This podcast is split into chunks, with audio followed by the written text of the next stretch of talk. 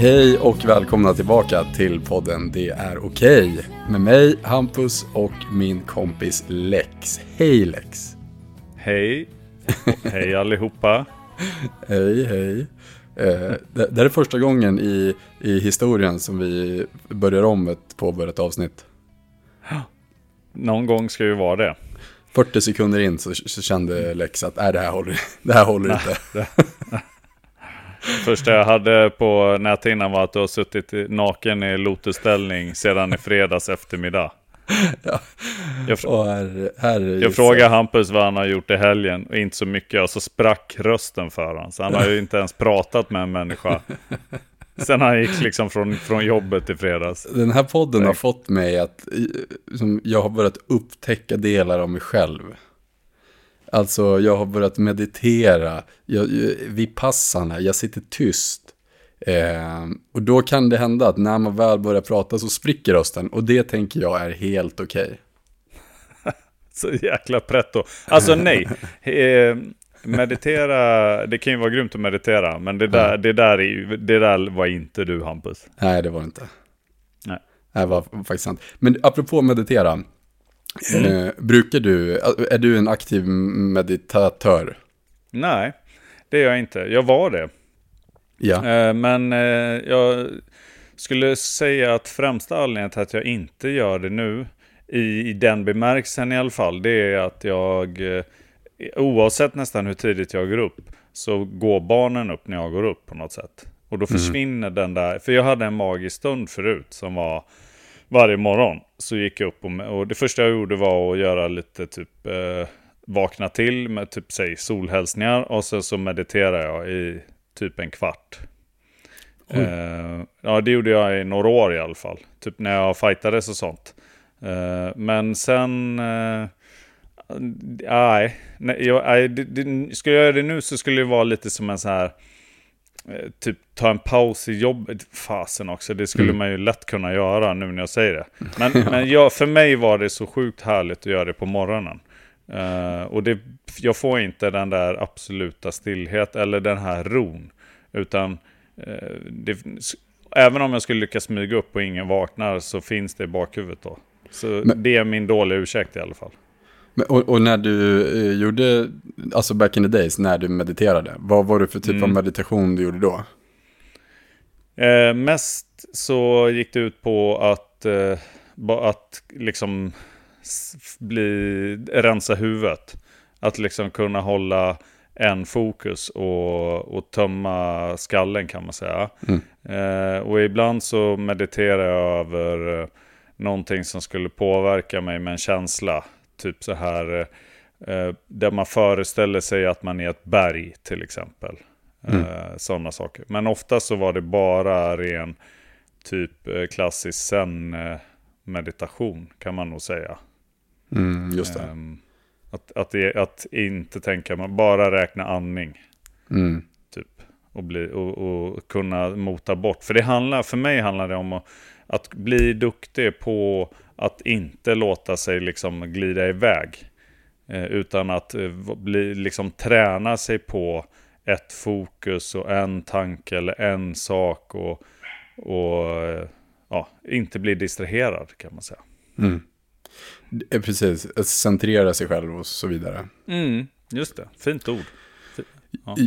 Jag brukar, jag inte heller, jag, eller, jag mediterar inte heller aktivt så som jag tror att man tänker att meditation är. Eh, Mm. och- för mig, hela meditationsgrejen för mig var ganska läskig, eh, för det kändes lite svårt typ, och som att man, det krävdes jättemycket engagemang och så. Just det. Eh, alltså när man hörde och läste om det och sådär. Men Mm. sen så förstod jag att meditation kan ju vara superenkelt och gå, också gå väldigt fort och, och så. Eh, Mm. Och att man kan göra det i massa olika former. Så jag brukar meditera på kvällen innan jag ska sova. Mhm. Eller det är väl en form av meditation. Jag vet inte om det är en meditationsövning. Men, men jag, jag kan ha lite svårt att somna ibland. Och då så... ehm, eh, för mig då, meditation, om jag, min definition av det är att kunna hålla liksom en tanke typ. Eller att kunna fokusera på något. eh, Speciellt Just typ eh, om det är andning eller så. Men och då Mm. så brukar jag eh, lägga mig i sängen och så, så slappnar jag av och så börjar jag liksom nere vid tårna, slappnar av hela vägen upp till skallen. Mm. Och sen eh, ska jag räkna högt i huvudet till 50. Och så ska jag Mm. visualisera varje eh, tal, alltså typ ett. Och då ska jag liksom se den ettan. Eh, Mm. och om jag någonstans eh, kommer av mig, att typ jag blir, det är en annan tanke som tar över, typ så här, åh vad jag ser fram emot imorgon, då ska jag göra det här, typ. Då, Just måste jag, då måste jag börja om på ett igen. Okej. Mm. Ehm, och, då, och det är väldigt sällan som jag räknar då hela vägen till 50 innan jag inser att jag är typ i ett drömstadie och somnar liksom. Det kan jag tänka mig. Det, ju, det skulle jag kalla för meditation. Men, men det är ju lite som eh, du säger också att eh, eller gränsen blir ju hårfin med så här avslappningsövningar eller meditation. Eller, alltså vad är, definiera meditation på något sätt. Ja. Det är väl egentligen en, eh, en styrd tanke eller styrd frånvaro av tankar eller något sånt. Ja, ja precis. Ja, det var ju bra sagt. Styrd frånvaro av tankar. För det är det jag har haft jävla svårt med. Att inte ligga och bara ha tusen tankar i huvudet precis när man ska Just det. sova. Och då blir det här ett sätt att liksom hålla bort dem typ. Jag kom på fler eh, eh, situationer. Vi har ju gjort det ganska mycket under, eller inför och i pauser och sånt. Eh, på träning eller Ja. liksom utbildning också. I mitt eh, förra jobb som eh, polis. Ja, Och också kombinerat det med om typ det man känner igen kanske lite från idrotten och så med det här med avslappningsövningar och även triggerövningar och sånt. Vilket jag även har använt mig av eh, typ inför jobb eller på jobb och sådana saker. Eh, och, och hur kan i- de se ut? Ja men eh, ibland så tänker jag att eh, i tidigare i min eh, så att säga karriär så hade jag eh, liksom övningar och strategier för att ta ner anspänning och sånt där. Eh, och i slutet så hade jag samma sak fast för att ta upp anspänning. Alltså gå upp i anspänning och, och alltså typ triggers och så vidare för det. Eh, Men mycket handlar ju om att hålla, fok- alltså hålla ett bra fokus. Mm. Mm. Ja, Ehm, verkligen. För det är, ehm, jag skulle säga att eh, den typen av arbete, alltså typ insatsarbete, det går ju liksom lite ut på att ta, dels att ta snabba beslut baserat på eh, sånt som du uppfattar i stunden, men också baserat på det du har med dig. Det kan ju vara en, eh, man har ju oftast en lägesbild på något sätt. Det kan, alltså allt ifrån eh, flera dagars förberedelser till en kort, kort rådgivning på väg mot någonting som plötsligt har hänt. Eh, Över radion. Det kan ju vara var- både och ju.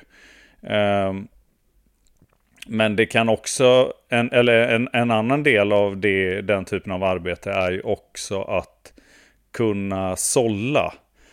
Uh, när, om man är under väldigt stor eller hög stress eller press så är det lätt att få, man, det är som att man bombas, uh, uh, man bombar sig själv kan man säga med massa möjliga handlingar eller massa möjliga eh, åtgärder, saker man kan göra eller vidta så att säga. Och att sålla i det och ta, att inte göra det som först faller dig in Mm. kan göra att du gör rätt sak istället. Just det. Eh, och, så det är både och då. Men eh, både under träning och under jobb så har jag gjort det. Och en annan situation är yoga. Mm. Jo, ja, precis. Jag kört ganska mycket yin-yoga. Då brukar det typ avslutas med meditation och sådär. Det är ju eh, väldigt, alltså det är ju skitbra ju att meditera. Ja, ja råhärligt. Men jag Ja. har också ett fusk där. Som Oj. jag har gjort ibland. Nej, ja, nej. Det? på, på yin-yoga. Nej, men ibland så har jag bara upplevt att eh, gud vad härligt. Nu eh, slutar jag med allt jag håller på med och så kör jag den här yogan. Och sen så, alltså typ en instruktörsledd yoga till exempel då. Ja. Och så i slutet så, så bara, ja men nu, eh, nu ska vi typ, nu ska vi meditera. Eller vad man än kallar det, men det blir en meditation liksom. Och då ibland så har jag bara bestämt mig för bara, nej, det, ja, det bara susar i mitt huvud. Och det skulle säkert vara gött att meditera nu. Men jag tar den här stunden till eh, att försöka nå så hög avslappning som möjligt. Men att tänka klart lite tankar typ. Ja, just det. Så att jag bara medvetet så bara släpper jag hela meditationsgrejen. Och så bara tänker jag klart de här grejerna. Eller gör listor i mitt huvud på det som liksom rullar. Så att jag typ på det viset istället hittar typ lite frid. Mm. Och det, det, kän, det känns ju som ett fusk. Eller inte ett fusk, men så här, det var inte tanken. Men jag, det kan jag tycka är en väldigt skön prioritering någon gång ibland. Ja, jag förstår faktiskt precis vad du menar. Det är kul, för eh, jag är likadan där tror jag. Eh, så ursäktar jag mig med typ att så här, men det här är en, alltså som att det är en, eh, det blir typ problemlösning på ett sätt. Eh, och att det är, ursäkta mig med att ja, men det är en form av meditation nu för att det här gör att jag kommer må bättre sen och sådär. Men ja, jag förstår Ja, exakt vad du menar. Just det. Bara, men, och då, då handlar det väl om att man, om man också kan avsluta den tanken sen. Mm. För en stund på något sätt. Mm, mm. Ja, precis. Det, Antar jag. Ja, ex exakt. Eh, Sen vet jag inte om det.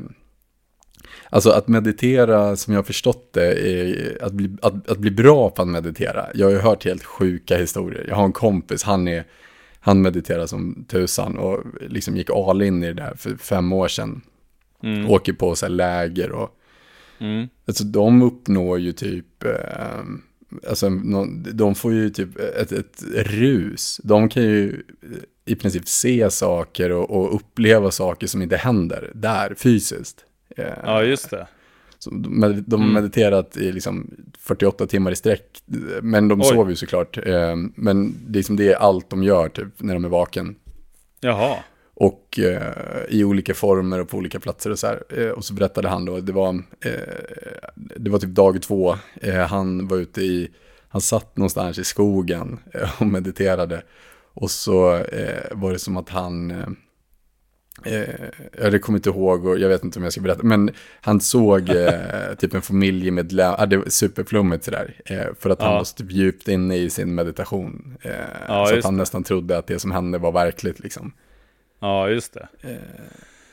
Ja, jag kan tänka mig att... Eh, jag kan tänka mig, alltså jag tror inte han ljuger och jag kan tänka mig att det kan bli så i och med, eh, jag tänker bara hjärnans kraft och eh, typ en viss projicering och eh, massa syre och fullt fokus Mhm. under lång tid. Att till slut så Mm. kan man nog, eh, ja det, det verkar vara väldigt kraftfullt om man, eh, Ett, ett uttråkat sinne är ett spännande sinne kanske. ja precis, ett uttråkat sinne i en sökande kropp. ja. Ja. Ja. Ja, det, ja, det har jag emot. För mig bara så är, är det väldigt viktigt att inte börja förknippa det med prestation.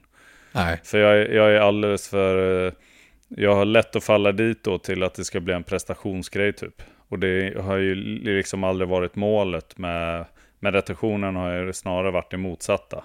Ja, Att just det. typ komma från den typen av yttre påverkan på mig själv eller vad man ska säga.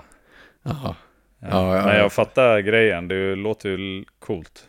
Jag gillar det i alla fall. Mm. Det, så, det kan jag säga.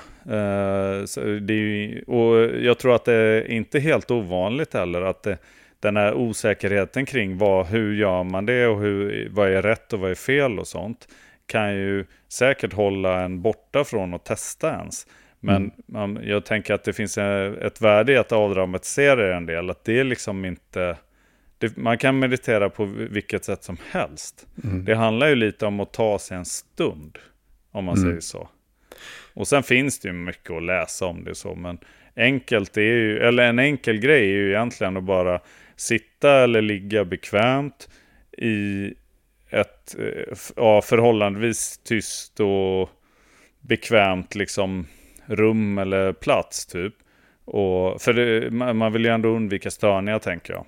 Mm. Eh, och sen bara räkna sina andetag. Där inandningen blir ett, utandningen blir två. Och så tre, fyra, så räknar man det upp till tio. Och om man märker att tankarna på något sätt eh, vandrar iväg så, så behöv, finns det liksom ingen anledning att klandra sig.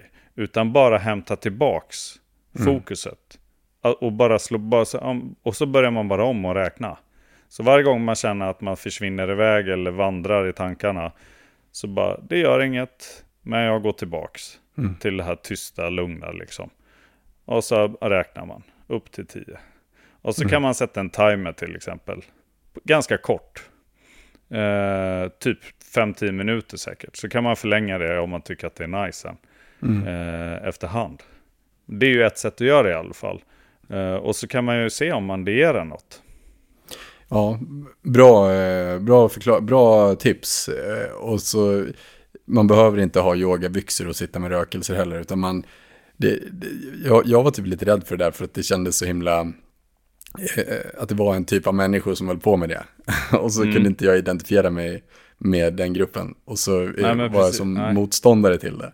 Eh, för att jag var rädd för det. Och sen så när jag testade det så bara shit, det här, är- det här är ju superskönt ju. Eh, jag hade en sån grej, nu blir det så jävla mycket gagg om meditation, men jag måste bara säga, jag, eh, jag, jag eh, for runt i stan massa i jobbet och sprang i byggnader och det var, och då var en sån, varje gång eh, jag åkte en rulltrappa så var det, i, i hela rulltrappan då så skulle jag bara blunda och andas eh, djupt tills jag var uppe eller nere. Det, det, var, det är ju så här mikromeditation, men som också var ganska eh, givande. Just det. För det var- Jorda det lite emellan. Ja, det varit en stund att liksom att, för man, alla andas ju, andas gör man hela tiden, utan att man, jag tänker ju aldrig på att jag andas, men att tänka Nej. på att andas när man andas, Ja. det är rätt skönt. Och hur man andas ju. Ja, Eller hur? ja Och ta verkligen. ner andningen från eh, någon form av ytandning till en djupare andning. Och ta Mm. ner sin puls. Och det har ju säkert mycket fysiskt påverkan. Det låter ju klockrent. Men blir du aldrig skraj för att typ snubbla ur rulltrappan helt plötsligt? jag sneglar lite med ett öga. ja, Okej. ja, ja, så det är fusk Bra också fusk. kanske. Ja. Ja, bra. Ja, det är ändå snyggt. Eh, Annars kan man ju tänka sig att man tar hissen. ja, Tränger sig före någon i rullstol eller någonting. För att man ska få sin så att man stund ska få sina jävla andetag. Ja, Hur fan vad hemskt. Det finns jag har film. jäkligt svårt att stå still i en rulltrappa ens. Ja, eh, och precis. Och du har ju någon gång rantat om hur, hur eh, stockholmarna tror att de är speciella för att man ska stå på höger sida i de där. Ja, just det. Ja. Ja, rantar jag om det. Ja, Ja. ja men just, det är ju då de här platta. ja, just det. Det är Alltså- de flygplansbanden, ja. Just det. Ja, Du, apropå flygplan. Eh, ja. Jag såg en film i helgen. Eh, har du sett eh, den? Top Gun 2? Eh, ja, alltså typ remaken, alltså den nya Top Gun. ja, den senaste. Ja, ja, det har jag gjort. Ja. Och då, och så, eh, jag kollade på den, eh, och så, eh, då är det ju en, det är ju han Tom Cruise då, som är gamla Top Gun, eh, som kommer Ja. tillbaka och så kan ju lära de här unga nya stridspiloterna att flyga. Yeah. Det är något uppdrag så här. Eh, och sen så är det ju en av de här piloterna som är Top Guns, alltså eh, Wingman. Eh, Wingmans Mm. son. Eh, och så är det ju massa tjall där för att sonen tycker då att Top Gun har eh, typ offrat eller lämnat hans farsa till döden typ. Just det. nu spoilar jag lite, men den är, så, den är ändå ett par år, så det, jag tänker att det är okej. Ja, Ehm, det är okej. och, och, och så hela filmen bygger ju på deras, eh, eller att typ, eh, ja men på den konflikten mellan dem ju. Mm. Eh, Att eh, Top Gun vill så gärna liksom få den här grabben till att förstå att han ville hans bästa hela tiden. Och grabben är skitsur eh, över att eh, Top Gun har gjort som han har gjort typ. Eh, Och sen så förenas de i slutet och så blir allt bra. Men, eh, och, och då kunde inte jag, och var, den är så här två timmar och tio minuter lång. Eh, Och hela filmen bygger typ på den konflikten. Ja, just det. Och så, och så satt jag och tittade och så bara bli- blev jag så mer och mer provocerad. För att de, de är typ och stöter i varandra hela tiden och de säger så små saker och så här. Men det, att, det, att det verkar vara så jävla svårt att bara, du jag är fett besviken över den här grejen. Ja. Eh, kan vi prata om den? Eh, det händer ju liksom inte under hela filmen. Men finns det inte en konflikt i konflikten där också? I, Jo, det är det. I att eh, han också, alltså den här äldre eh, Tompan där, att han är också egentligen vill skydda, det är väl Mavericks grabb typ. Mm, ja, exakt. Och det blir lite så outtalat. Ja. Han vill ju egentligen också vara rädd om han. Han Ja. vill ju inte vara med om att ha ihjäl hans grabb också typ. Nej, precis. Eh, men, Men och- ändå. Och, Mm. ja, ja, men så liksom, och det är intressant, eh, för caset bygger ju på den eh, okommunikationen. Eh, Mm. och, och, så, eh, och så sitter jag på sidan och så tänker jag så här, fan vad sämst de är som bara inte ber varandra om förlåt. Åh, jag ser vart du är på väg. Ja, ja. Mm. Och, och så, och så eh, sen när filmen var slut och så tänkte jag på det där så här, ja men, så bara, fast fan, jag kan ändå förstå, för ibland kan det vara jävligt svårt att säga förlåt. Mm. Eh, av massa anledningar, eh, av både stolthet och att man typ känner att man kanske har rätt, eh, eller att, eh, ja, jag vet inte vad det nu kan vara. Mm. Och så fick jag lite förståelse för caset och så, så ratade jag filmen lite högre, bara därför. men, men och, och så tänkte jag, det här ska jag snacka med dig om. Eh, Ja. är, du, är du bra på att säga förlåt? Nej, det vet... Nej, ja, nej. Jag skulle gärna säga ja, det är jag. Eh, e- baserat på att eh, jag är 43 år och har lärt mig hur gött det är att faktiskt säga förlåt. Men framförallt att det också är gött att bli förlåten. Mm. Eh, och vad det brukar kunna ge då. Men att säga att jag är bra på det, det vet jag inte. Eh, en sak som är i alla fall är att det alltid blir svårare ju längre tiden går ju. Mm. Jag tror att jag kan vara ganska bra på att säga förlåt på typ så här små saker. Men jag skulle nog säga att jag är, jag är mycket mer för att undvika stora saker att säga förlåt för. än att Ja. jag faktiskt säger förlåt då. Mm, fattar. Ehm, Jag, eh, jag, jag vill också säga att jag är bra på att säga förlåt. Men, och så, men att jag, jag kanske inte är det. Eh, när man, eller när jag tänker efter så bara, äh, men jag skulle nog ha sagt förlåt oftare typ och så. mm, Eh, just det.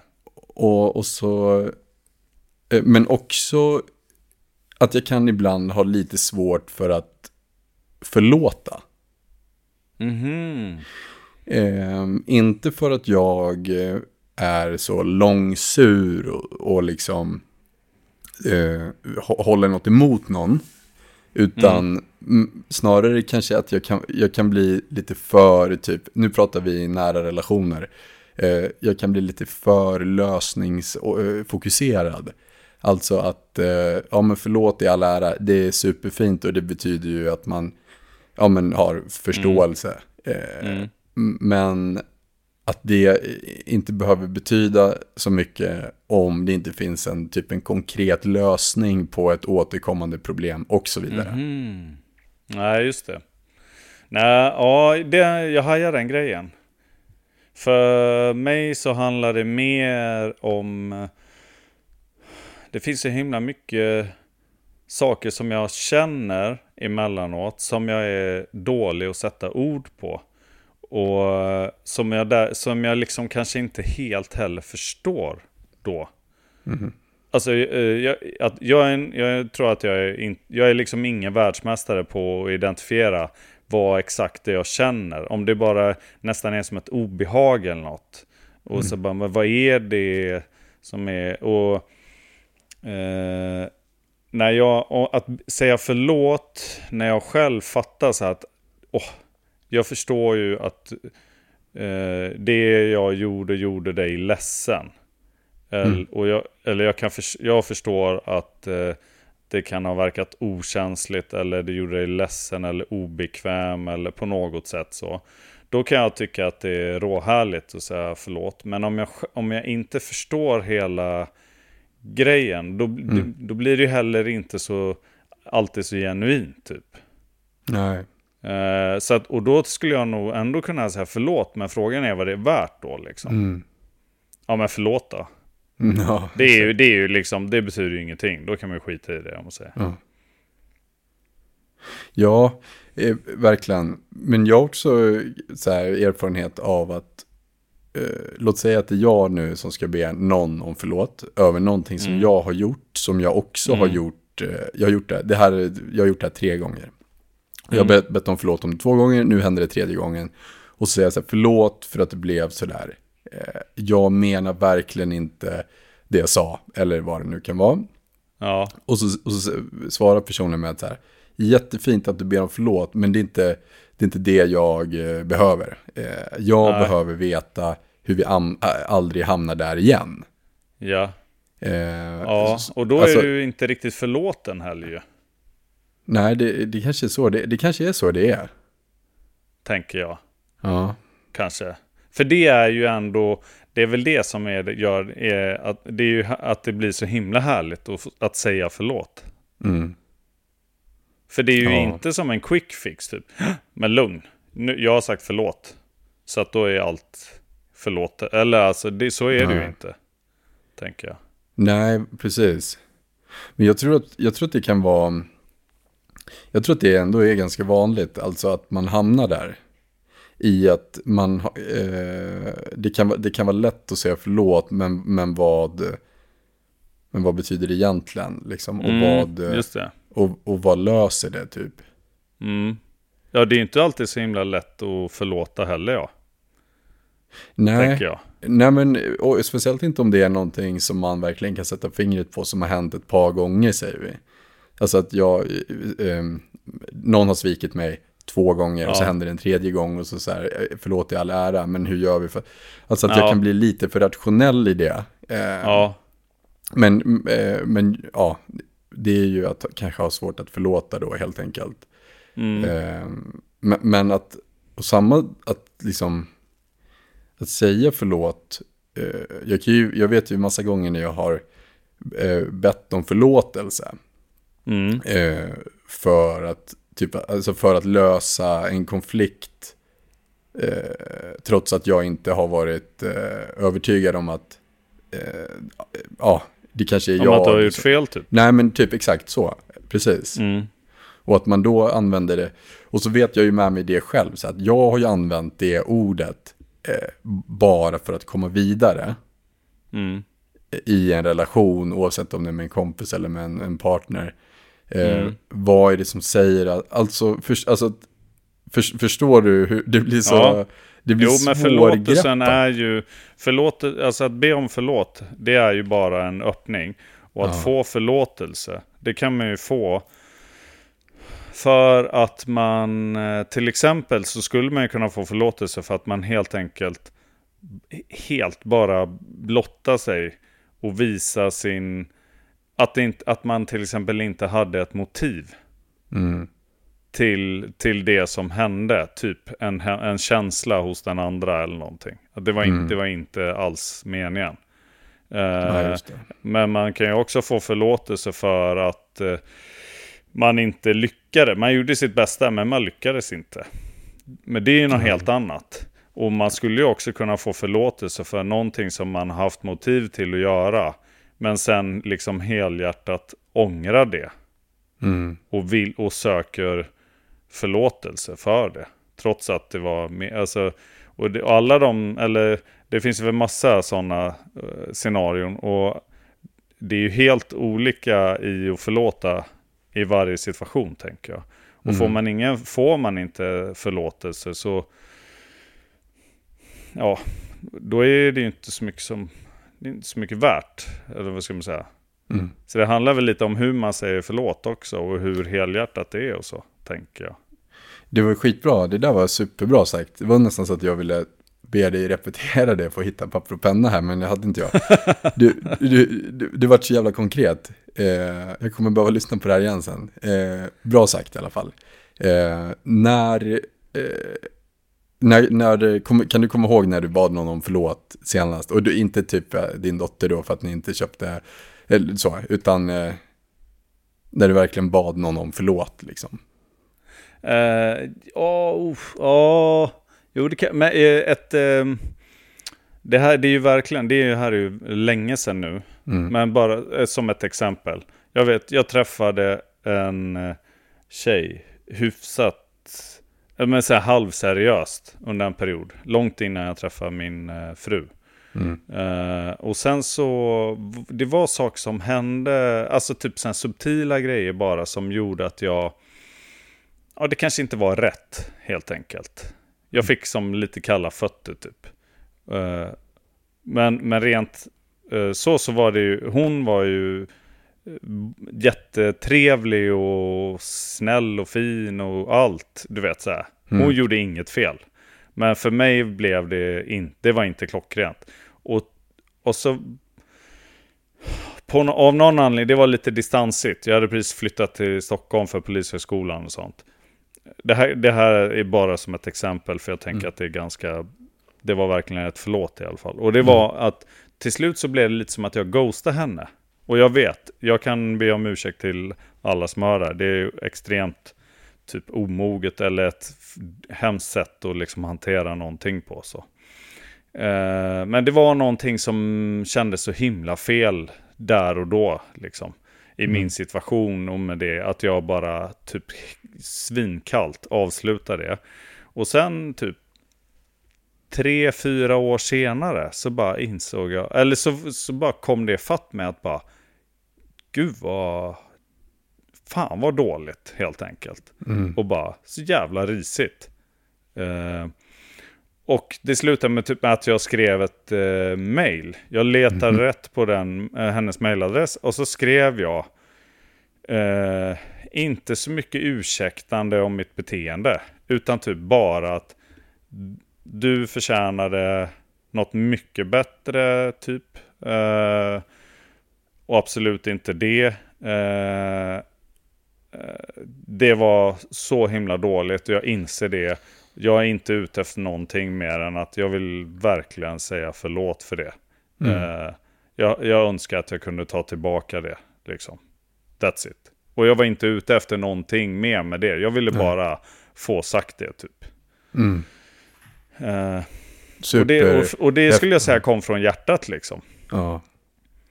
Du ville ge henne det. Du ville ge henne... Ja, men typ. Ja, Ja. Li, ja exakt. Ett typ som ett avslut. Det är egentligen att ge ett avslut eller någonting då. Eh, och det kändes jättebra. Och då var det... eh, Det, var, ju- det är ju ett sätt och ett exempel på när jag ändå tänkte så att det här- kan ju uppfattas på jättemånga olika sätt. Det här kan ju vara extremt provocerande. Eller så kan det vara lite skönt att få. Eller och allt däremellan typ. Eh, och, och det var inte så... Självklart så ville jag ju typ att det skulle vara någonting att få. Li, li, en lite av en gåva eller vad man ska säga. Någonting tillbaka så.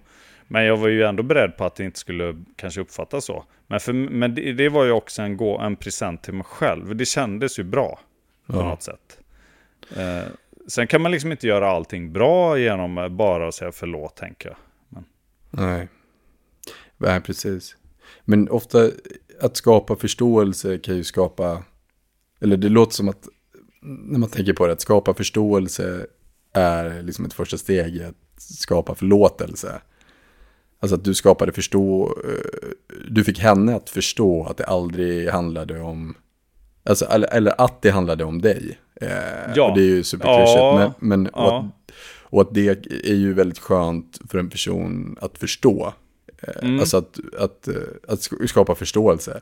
Och att det då kan vara lättare att bli förlåten typ. Eh, Mm. Och även fast inte det var det du var ute efter så bara drar jag den parallellen nu. Mm. För det kan ju vara en orsak och ingen ursäkt kan man säga. Nej, exakt. Så, eh, ja. Och orsaken i det här fallet var ju mer, eh, det handlar ju mer om att liksom stärka att det, handla, att det var mitt handlande som var fel. Mm. Det hade inte med, med dig på något sätt, alltså din person att göra. Utan det, jag, av olika orsaker så handlade jag fel. Och det vill jag be om ursäkt för.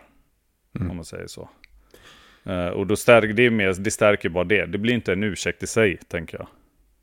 När vi sitter här nu och pratar om förlåtelse så är det lätt eh, för mig att jag hamnar, typ som att jag är referensen på vad, eller att du är referensen på vad, hur lätt man har för att be om förlåt. Eh, och, och så, men så är det ju faktiskt inte, utan det, det, för vissa pers- personer kan det ju vara skitsvårt. Och de kanske knappt har bett om förlåt någon gång, typ. Mm. Eh, och sen så finns det andra som är superduktiga på det. Och, Mm, det. och, och om man ska, eh, och, om man ska prata nu om den typ av människor, eller den typ, alltså en person som inte har lika lätt för att be om förlåt. Någon som kan tycka att det är svårt eller någon som är rädd för att göra det för att det kan få dem att framstå som XYZ eller vad det nu kan vara. Mm. Eh, taken på det helt enkelt. Varför tror du att det kan vara svårt att be om förlåt? Nej, det vet jag. Ja, det kan ju säkert vara som ett sätt, eh, och, alltså en rädsla för att tappa ansiktet lite på något sätt. Ja. Men, men jag, tänk, jag, eh, jag tänker att, eh, och det, det finns så många delar i det, och att ha blivit förlåten någon gång, om man, får, om man blir förlåten för något, det skulle jag säga är ju eh, jättehär, det är härligt, det är skönt. Det blir nästan som en gåva kan man säga. Att bli Mm. förlåten på riktigt för någonting.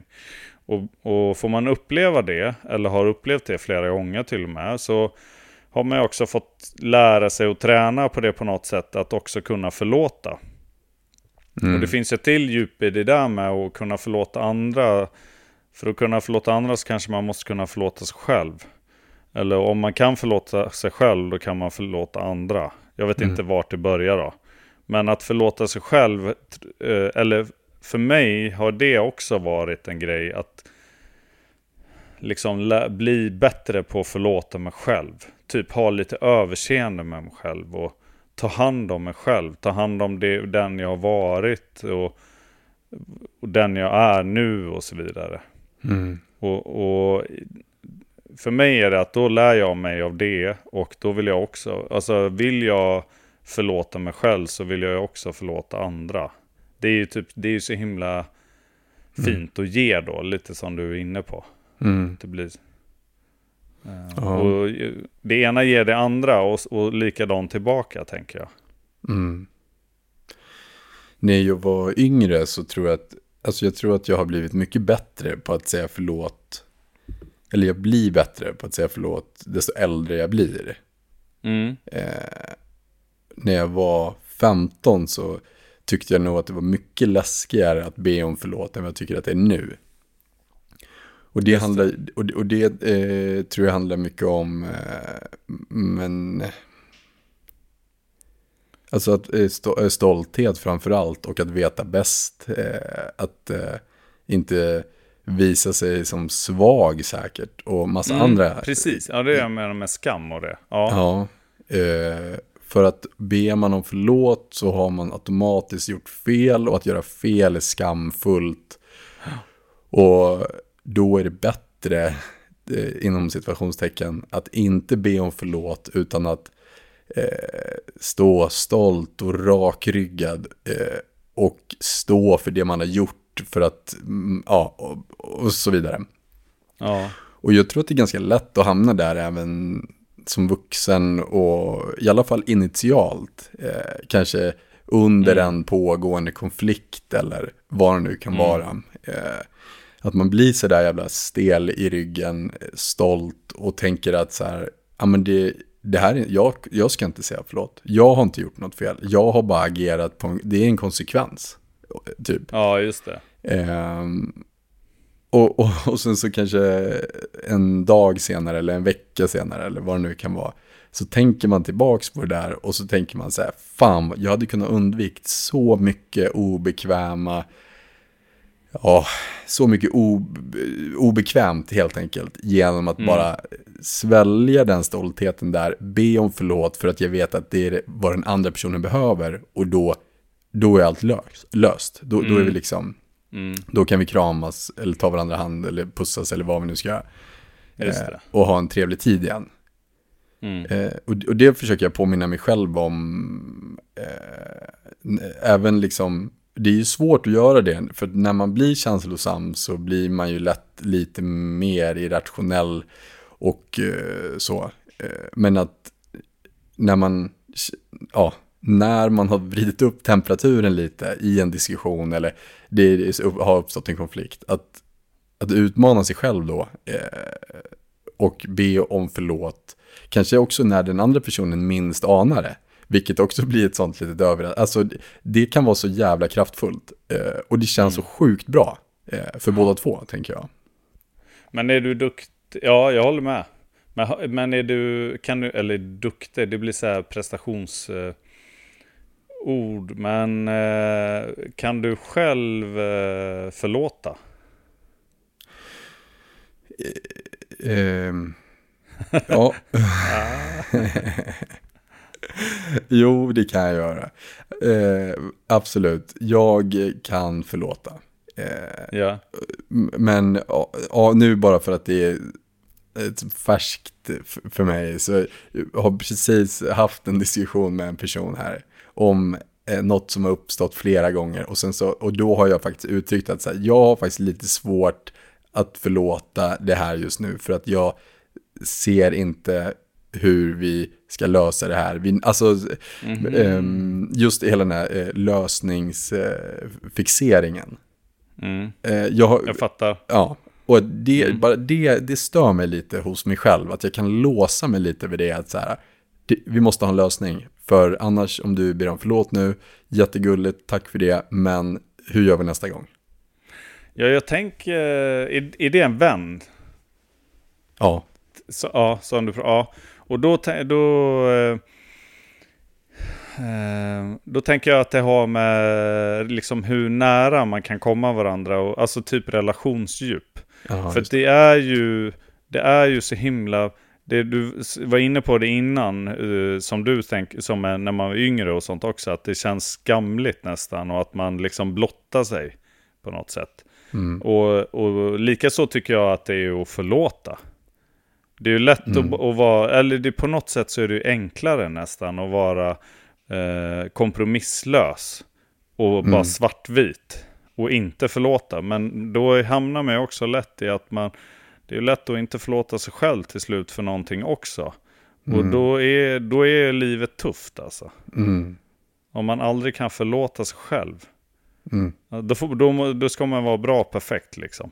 Och då tänker jag att motsatsen blir ju att man, att man kan förlåta och kan också be om förlåtelse. Mm. Uh, och för det så krävs ju typ ett visst... Det, ja, men det krävs relationsdjup. Men det som är läckert med det är ju om det inte finns en lösning. Så man kan man ju fortfarande förlåta. Då har man ju kanske ett större relationsdjup efter det. Mm. Alltså man har då är man ju verkligen sårbar. För det är ju sårbart att mm. säga jag gjorde fel. Som gjorde så. Eller jag, jag, jag är verkligen ledsen för att jag orsakar det här. Vad det nu är liksom. Mm. Det är ju sårbart. För, för du kan ju alltid, du sätter ju dig i en sårbar situation när du ber om förlåtelse. Mm. För risken är ju att den du ber om förlåtelse inte ger dig den. Mm. Och det, kan, det gör ju ont. Eller det kan ju göra ont. Och mm. det i sig är ju sårbart. Men kan man göra det så har man ju också vunnit mycket sen i, sin, i relationen med den personen. Mm. Tänker jag. Alltså man, det är som att man tar ett kliv framåt typ i sin relation. Även mm. om det inte finns en lösning. Mm. Ja, det har du rätt i. Nu vet jag inte, alltså nu, det, det blir ju nästan teoretiskt så, men, men jag, eh, jag, blir, jag blir lite peppad att höra, ja, när du berättar så bara, åh, tänk om ni kan förlåta varandra då, eller att du kan för, alltså, ja. ja. För det, ja. typ, säg att du, eh, säg att det hänt, det här, du, du pratade att det hänt eh, ett par gånger, och ja. nu är det en tredje gång typ. Ja. Uh, det, det, kanske, det kanske aldrig helt kommer försvinna. Det kanske kommer hända igen. Ja. Och tänk, och alltså som du behöver be om förlåtelse, visst är vi inne på det? Ja, nej, utan att jag ska förlåta. Ja, ja. Och, och tänk om du, du kanske behöver göra det en fjärde gång till och med. Ja. Men hur mycket kärlek du visar om du, om du gör det. Ja, alltså det precis. finns ju alltid en gräns. Det får inte bli för flummigt här att ja, men jag förlåter allt. Alltid. Alltså det handlar inte om att vara en dörrmatta heller liksom. Men det är ju kärleksfullt precis. att ha överseende med att man själv eller någon annan inte är perfekt. Och att allting går inte alltid exakt som det ska liksom. Men vi gör vårt bästa. Och det säger man ju på något sätt till varandra om man kan förlåta varandra också. Mm. Om man vågar blotta sig på det viset och om man kan ge förlåtelse. Fastän det kanske gör ont liksom. Ja. ja, verkligen. Och det är kanske är det som är nyckeln också till att det inte ska hända igen. Att, att, att släppa det här jävla lösningssnacket och bara vara lika sårbar i att förlåta som att be om förlåt. Alltså att be om förlåt som du säger, jätteutsatt position, man är sårbar, man Mm. har svalt sin stolthet, situationstecken. Mm. Och sitta på Ja, den lite. andra sidan Ja. som då ska förlåta. Genom att säga då så här, eh, ja jag blev jätteledsen över det som hände. Jag vill självklart inte att det händer igen, eh, men jag litar på dig. Jag eh, tycker om dig så mycket, eh, jag vill att vi ska vara kompisar för resten av livet, jag förlåter dig. Eh, Ja. och, och, och att själv bli lika sårbar i det då kanske kan vara lösningen till, istället för att då börja argumentera om, ja men hur gör vi nästa gång det här uppstår, Ja, till exempel. precis. Ja, precis. För jag, det är ju lite... ehm, det är så himla omtänksamt. Mm. Det är värt så himla mycket. Och det är klart att man måste kunna... För jag tänker, alltså, med, med den sårbarheten i relationen så är det ju också lättare att kunna ha samtal som är typ att ja, när, det här, när du gör så här, då får det mig att känna så här. Mm. Eh, när du gör si, då känns det så här. Och jag skulle önska mer av det här till exempel. Det får mig, det här det känns så himla bra. Jag skulle önska mer av det eller vad det nu är. Att man kan ha den typen av samtal. Det, då, om vi pratar som, eh, vi pratade vänskap sist också. Alltså det handlar ju på något sätt, man kan ju också bara avsluta sin vänskap och så hoppa till nästa och så hoppas att det inte händer då. Men man kan ju också se om man kan jobba lite på det. Jag, Mm. det, är det är absolut inte samma sak, men jag, tankarna har ju slagit mig. Alltså jag har ändå varit gift i... Nu blir jag tveksam här. Tio Men det, är, år. det, är snart, ja, det är snart tio år sedan jag träffade min fru Mhm. i alla fall. Eh, och då... Eh, ta- då eh, tanken har ju slagit mig så här, Tänk vad, om eh, hon blir kär i någon annan. Typ. Vad, vad skulle det innebära? Hur vad skulle det kännas? Vad skulle jag göra då? Du vet, så här grejer. Eller vad, vad skulle... Typ, om jag tänker på eh, otrohet. Så finns så man, olika historier om otrohet når en ibland så här. Och då är det som att eh, eh, inte sällan så tar det slut. Om någon är otrogen. Eh, ibland gör det inte det. Och, och så är det typ en lite mer terrorbalans för resten av deras förhållande. Eh, för att den ena har egentligen inte förlåtit den andra, men de är ändå ihop, typ. Eh, men det, sen så händer det också att man ser eller nås av historier om där faktiskt den ena kan förlåta den andra. Trots att det gör så himla ont, hela Mm. den här grejen. Och så det allting tänker jag skriker i en att det där var inte okej. Typ, eh, jag blev sårad och kränkt och förmin... Alltså på, på så många sätt. Typ. Mm. Men om man kan komma förbi det och vara... Tänk vad mycket kärlek man visar då och vad, Verkligen. vilken, vad fantastiskt det kan bli i den. Eller det, vilken otrolig relation om man kan komma Mm. förbi en sån grej. Om man gör det helhjär, om man inte gör det genom att bara hata varandra lite mer också. Typ på något sätt så här. Eh, och i miniatyr då så skulle det kunna vara så i en eh, vänskapsrelation också, tänker jag. Att det är klart att man måste såra varandra också. Alltså kommer man varandra nära, då är- innebär det att man också är mer sårbar. Och det är klart att det kan göra ont ibland, typ. Eh, och det är ju en nackdel. Det är ju jobbigt att vara sårbar. Men det är ju också ännu mer, alltså man är ju ännu närmare någon. Man utvecklas i det liksom. Och man får känna mer och man får... Alltså det är också någonting fantastiskt att komma varandra nära. Och kan man komma förbi sånt så kommer man ju sannolikt varandra närmare typ. Mm. Alltså med ökat förtroende och så vidare. Jävlar vad fint, eh, vad fint du pratar om det här. Jätte, jättebra saker Ja, det, är väl, det är lätt att göra det lite på distans. Ja, exakt. Och det är ju nästa Eller- utmaning. Att när man känner massa andra känslor samtidigt. Ja, Så, så är det ju kan, sjukt utmanande. Att eh, ta fram vita flaggan. Eller, eller eh, förlåta den andra. ja. Det Men är som- ju bara, ja, Nej, men så, som du säger, att det, det är ju typ det finaste vi kan göra. Att, eh, att för, be, om för, be om förlåt och att förlåta. ja. Eh, att det kan föra oss Eller, eh, så mycket ja, närmare. säger jag bara. Ja, ja. Fint, är, fint är det. Du- Ja, verk, verkligen. Men åt den ärligheten som också krävs för, jag tänker att när man ber om förlåt, eh, så är man ju eh, förhoppningsvis ärlig över det man har gjort. Nu, nu tänker jag så här otrohetsaffär eller vad det nu kan vara. Men att också bara våga vara så ärlig och veta att konsekvensen av att vara så här ärlig kan vara liksom, det, den, kommer göra, den kan göra jätte, jätteont. Mm. Eh, Du förstår det går att förlåta också, tänker jag, när man är så sårbar. mm, Ja, nu hörde jag Ayo i bakgrunden. ja, Han alltså- förlåter ju varje dag. Eller hur? Det är alla dina tillkortakommanden. Får jag berätta en superhemsk historia? Ja, Ja, det hände igår. Apropå, jag har inte förlåtit mig själv för det här. Han, han har ett bungee-koppel, ett sånt, en draglina som han har när han drar mig på skidor. Och då... Eh, med lite, lite flex i liksom. Ja, exakt. Så det är som ett gum, långt gummiband. Eh, och i ena änden så sitter det en karbinhake. I andra änden så är det liksom ett handtag. Så gick jag med han i den. Och så, eh, ja, han var lös. Och så började han latcha med det. Så han liksom hoppade och så tog han eh, handtagsänden i sin mun. Och jag höll kvar i karbinhakesänden i, i min hand. Ah. Ja men vänta, det här, det här är fruktansvärt. Och han drar ju utav s- helskotta och kampar. Eh, så jag tappar den här karbinhaken. Och den går ju som ett gummiband då, rakt i ögat på hunden.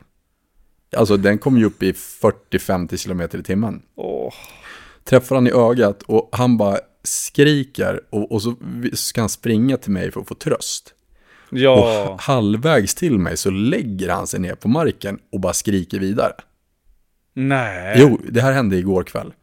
Och Aj. jag får ju panik och tänker, nu har ögat hoppat ur. Alltså jag, jag tänkte, nu ploppar ögat ur typ. Ja, Ehm, men, eh, och så sprang jag fram till honom och så, han hade, fick ett jack precis i ögat och han kunde liksom inte öppna det och sådär. Jag var livrädd.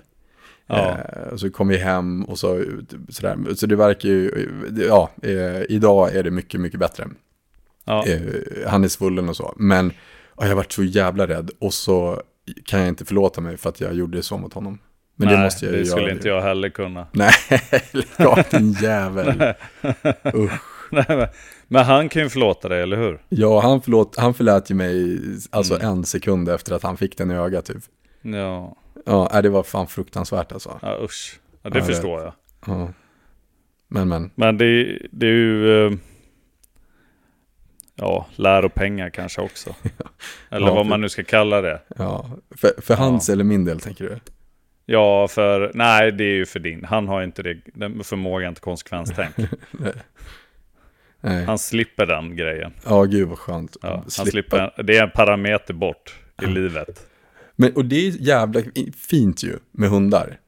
Ja, Du, du kan ju kliva din hund på svansen eller råka sparka den på nosen eller vad som det nu kan vara. Och så kommer de ha lite ont och sen så kommer allt vara bra. Kommer förlåta dig. ja och- men det är också så himla hjärtekrossande att tänka på det att ja, för de är ju också i sån beroendeställning. Ja, Men, men, det, men det är ju också att de är ju sällan långsinta nej precis. alls. Utan det är ju så mycket bara kärlek. Mm. Typ. Så de kan ju förlåta. Jag vill ju tänka, jag vill, vill inte tänka att det bara har att göra med att Det är bäst att vara polare med Hampe så jag får käk idag igen. Så jag kan få mat. Ja. Precis. jag, jag tänker att hundarna, hundar är experter på att leva i nuet i alla fall. Mm, verkligen. De, de, eh, de tänker inte på vad som hände i förmiddag. Så de, de, han, han är ju inte orolig nu över eh, att imorgon ska bli lite kämpigt typ. Nej, och det är ju... Det, det är ju lite lärande tycker jag det där. För det går ju också, alltså för honom, så han kommer ju aldrig koppla ihop. Om du till exempel är extra snäll och vänlig sen. Typ så här skämmer bort han lite efter en sån händelse eller vad det nu är. Ja. Så är inte det tröst. Alltså, som han kopplar ihop med en tidigare händelse. Nej. Den hände för mer än sju sekunder sedan. Så Ja. det finns inget, han har ingen möjlighet att se ett orsakssamband. Han har inte en Nej. hjärna som är byggd på det viset. Liksom. Så det finns ju ingen, på ett sätt så finns det ju ingen förlåtelse i det. Men det finns ju heller ingen, alltså noll eh, liksom tjurighet över det heller. Han är säkert Nej. inte sårad sen heller på något sätt. Nej, precis. Nej, och det, det är eh, jävla... Du kan aldrig gottgöra det. Nej, fuck. Jo, det, det kan du. På ditt vis kan du. För det som känns i dig kan ju du ju fixa. Pre- Ja, precis. Och i honom har det säkert slutat kännas. Sju Ja. sekunder senare menar jag. Ja, Exakt, exakt. Tycker du att jag, nu, du som är så duktig, tycker du han, det första jag gjorde sen, typ när han låg där med ett öga och typ skrek, så tog jag fram det där igen och typ stoppade in det i mun på honom och började kampa. Var det, Oh, för att han skulle liksom, för jag vart... avleda honom typ. Ja, snarare, jag vet inte var, varför jag gjorde det. Det kanske var en panikreaktion, men för att eh, Ja, han inte skulle typ eh, tappa självförtroendet eller bli rädd för så. Det har ju ja inget med, eh, du, med vad du menar, jag som är duktig, du tänker på hunddressyr typ eller? Ja, exakt. Eh, ja, men jag tänk, jag, jag är lite kluven i, i det generellt så här, men, men jag vet att man säger ofta så här att man, det är ingen idé att ömka och hålla på i efterhand. Mm.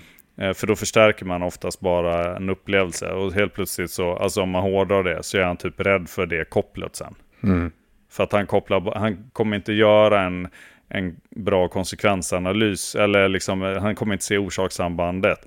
Att jag, eh, jag kampar med kopplet för hårt så han tappar taget och då kom det så. Det gör, han har ingen möjlighet att göra den analysen ju. Han, han, nej, Utan, eh, och när, så när du då börjar kampa med han och göra något roligt ihop, då får ju han, eh, eh, man kan säga närhet, för att han känner eh, tillhörighet när ni kampar. Mm. Vilket är eh, typ överlevnadsviktigt för honom. Mm. Och för dig egentligen, men, men i den här situationen, det är ju viktigt liksom. Han, för honom är ju tillhörighet med dig väldigt viktigt. Det är ju centralt i hans liv. Eh, han som individ liksom. Eh, och, så, och du ömkar ju inte särskilt mycket då. Nej. Alltså du förstärker inte hans upplevelse av det här negativa. Eh, och så avleder du. Så han, eh, och han har ju inte svinmånga bollar i luften samtidigt. Utan Nej. han har ju eh, jätteont och det är synd om honom. Eller så kampar han. Mm. Och, ha, och gud vad kul är det. Det är ju det som händer. Det är ju antingen eller lite grann kan man Ja. ju hårdra det typ som. Så det behöver väl inte vara fel. Men däremot så kan man ju, pappa, pappa Lex kan ju ifrågasätta om, om man vill att hunden ska få bita i kopplet. Från första början. Jag visste att det skulle komma nå- någonting. Ja, det, Men det är ju det är ju en annan sak. Det är, ju, det är ju något mellan dig och din hund. Det har Det- ju inte jag med att göra. nej, och det är vår Det låter ju som att ni har det väldigt härligt eftersom ni kan hålla på på det viset. Ja, Det har, det är ju sannolikt inte lett till att när du kopplar honom utanför ICA så gnagar han av det och springer iväg och hittar på bus. nej. Nej, och därför sån så, himla- så det funkar. I er relation funkar det att kopplet Ja. kan vara bus också. Och, Och då, eh, så kan det väl få vara då. med, den, med den utläggningen, det är så jävla grymt för att man kan, eh, eller om någon har liksom en, en fråga om känslor, om förlåtelse, om kanske eh, laga någon typ av maträtt eller om hund. Så kan man ställa den till Lex och så får man ett, liksom ett vetenskapligt, personligt jävla svar. Och det är bra alltså. Uh, Hampus, förlåt mig. nej, nej, nej. Om, Gud. Det var inte min mening att vara mästrande, utan det du berättade fick mig att känna en massa olika saker.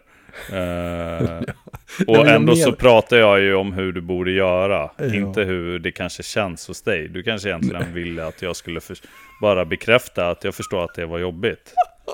Det ska jag tänka på i fortsättningen. Oh, herregud. Du är förlåten. Tack. Ja, äh, men eh, så jag, eh, jävla intressant. Du, jag tyckte att din take på det här var väldigt bra. På hundträning? på, ja, men på, på förlåtelse och att be om förlåt. Du gav mig massa bra nya sätt att tänka på. Och saker som jag nu har med mig som jag tänker att jag ska testa nästa gång det här uppstår. Ja, kul att höra. Ja. Och jag säger tack detsamma. Det är ju märkligt, vad, jag har ändå pratat om det i um, terapisammanhang och sådär. Men jag har inte pratat om det på det här sättet med så mycket vänner. Alltså mm. i övrigt, så här, bara, hur ser vi på det? Mm. Jag pratar om det ibland i min relation. Alltså med min kvinna. Mm. Men kanske inte så här allmängiltigt heller. Det, och mm. det är ju helt värt... För jag, jag, kan jag, jag skulle vilja erkänna att jag lägger tid på att tänka kring förlåtelse. För förlåtelse mm. har ju i, i vissa delar varit centralt när, för mig i perioden, när det kommer till vissa relationer. Mm. Uh, och det har också handlat om hur, att jag kan förlåta mig själv eller inte. Och sådär. Mm. Uh, så, och, och då har det som gör att jag tänker på det emellanåt, det har mycket att göra med att jag, för, jag lärde mig ganska mycket av en, en förebild, en vän till mig som har varit en förebild i det. Och det är att jag tänker så här att uh, jag försöker leva med att typ alla förtjänar en andra chans. Mm. Generellt sådär. Men så finns det så extremt mycket undantag från det som jag är beredd att göra. Och det kan ge upphov till att jag kontemplerar kring det. Mm. Vad kan jag förlåta och vad, kan, vad är oförlåtligt? Typ. Mm. Och vad, är, vad, vad kan jag förlåta mig själv för? Vad skulle jag inte kunna för... Alltså du vet så här. Mm. Superflummigt Nej, när jag berättar jag om det på det här sättet. Men, men det, för det, det är väldigt skönt. skönt. Ja. Mm. Nej men jag tänker, alltså det, det kan vara bra att bara formulera sina tankar kring det. För som du, om du har tänkt på det här en del, men inte mm. pratat om det på det sättet, så kan det ju vara skönt att formulera de tankarna. Och att det kan vara ganska givande också. Eh, för en själv, alltså för dig. Mm. Jo, det kan det vara. För mig har det handlat om att eh, kunna förlåta någon som inte ber om det. Till exempel. Ja, just det. Just det. Och det gör också att, eh, det handlar också om att kunna förlåta mig själv. Mm. Och det handlar inte om att hålla på och hitta grejer som jag vill förlåta mig själv för. Sådana händelser eller vissa saker. Utan bara att vara älskande till mig själv. Att mm. ha överseende och förlåtelse liksom mot mig själv. Och mot andra. Och typ det här då med att jag verkligen, det har varit eh, en det har, det, har var, det har varit en bra lärdom i mitt liv att folk förtjänar en andra chans. Det har haft att göra med hur jag förhåller mig till liksom skurkar i mitt mm. jobb. Mm. Som sheriff typ. Mm. Uh, och i hur jag förhåller mig till andra människor bara. Uh, I olika sammanhang. Uh, och det har, varit, det har varit bra på många sätt. Det har nog ibland gjort mig till en lite bättre människa också, den insikten. Mm. på något sätt. Eller att jag har tagit den insikten från, från en mm. eller flera personer. Eh, men det blir ju också lite så här, men vad är, jag, det finns ju en gräns för vad jag skulle kunna förlåta. Vissa saker typ är oförlåtligt. Och jag vet inte om det är någon form av biologisk grej nästan eller någonting. Eller om det, har, om det bara har med mig. Men så här, det vart går mina gränser typ? Mm. För, vad jag, för det här kanske handlar om att utforska lite om vad... Om jag, om det är någon, om jag ser saker som oförlåtligt hos eh, andra människor. Eh, då, är, då måste det också vara oförlåtligt hos mig själv. Typ, Mm. tänker jag. Mm. Och hur jag, hur jag ska bete Det har ju med värdegrund och sånt att göra då. Ja, ja precis. Väldigt intressant i alla fall. Och eh, fint att ta med sig. Att alla förtjänar en andra chans. Kanske en tredje också. Eh, Ja, jo, jo, precis. Ja, ja. ja. Mm. Man, det kan vara många. Mm. Men ibland, ibland får man bara en. Ja. Andra. Ja, ja, exakt.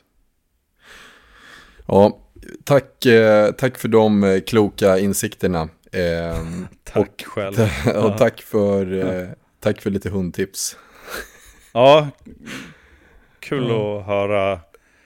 Ehm, Kul att höra mig tacka. Ja, Stackars du, vi, vi, eh, vi hörs snart och eh, eh, tack till alla som eh, fortsätter lyssna och eh, som fortsätter skriva så fina meddelanden och så på sociala medier. Det är väldigt uppskattat. ja, det är det. Och vi har också, vi har ju bokat in en första gäst. Det behöver vi, vi kan ju bara smyga Oh. med det i alla fall. Smyga ut att vi tänker ju att vi generellt sett spelar in den här podden tillsammans bara. Men det kanske, vi får se var det slutar. Men vi har i alla fall bokat in en gäst eh, om några avsnitt. wow. Eh, vi ser att vi kommer ta ett litet juluppehåll. Ja, vad bra att du sa det. För det kommer vi ju att göra. Eh, Lex flyger till eh, Asien med sin familj och ska dricka drinkar i två veckor medan jag ska skotta snö upp i stugan och vänta på att han kommer hem. Eh, så så eh, jag Titta mot horisonten varje, varje kväll. Varje plan på himlen kommer jag ropa efter Lex. Eh, ja, men exakt, så det kommer vara lite jul, julledigt här och det, det kanske är bra. Eh, vi får hålla låda på, på Instagram. Du får lägga lite stories från eh, solstolen. Mm. Ja, skärpning på det. Ja. Och så vet ni att det, det, det fortsätter och det kanske utvecklas. Alltså Ja, beroende precis. på hur man ser det. Det känns Eh. spännande i alla fall. ja, det känns skitspännande. 2024, wow. Okej, du, ha en eh, strålande kväll. Tack detsamma. Tack Ja. allihopa. Vi hörs snart. Yes.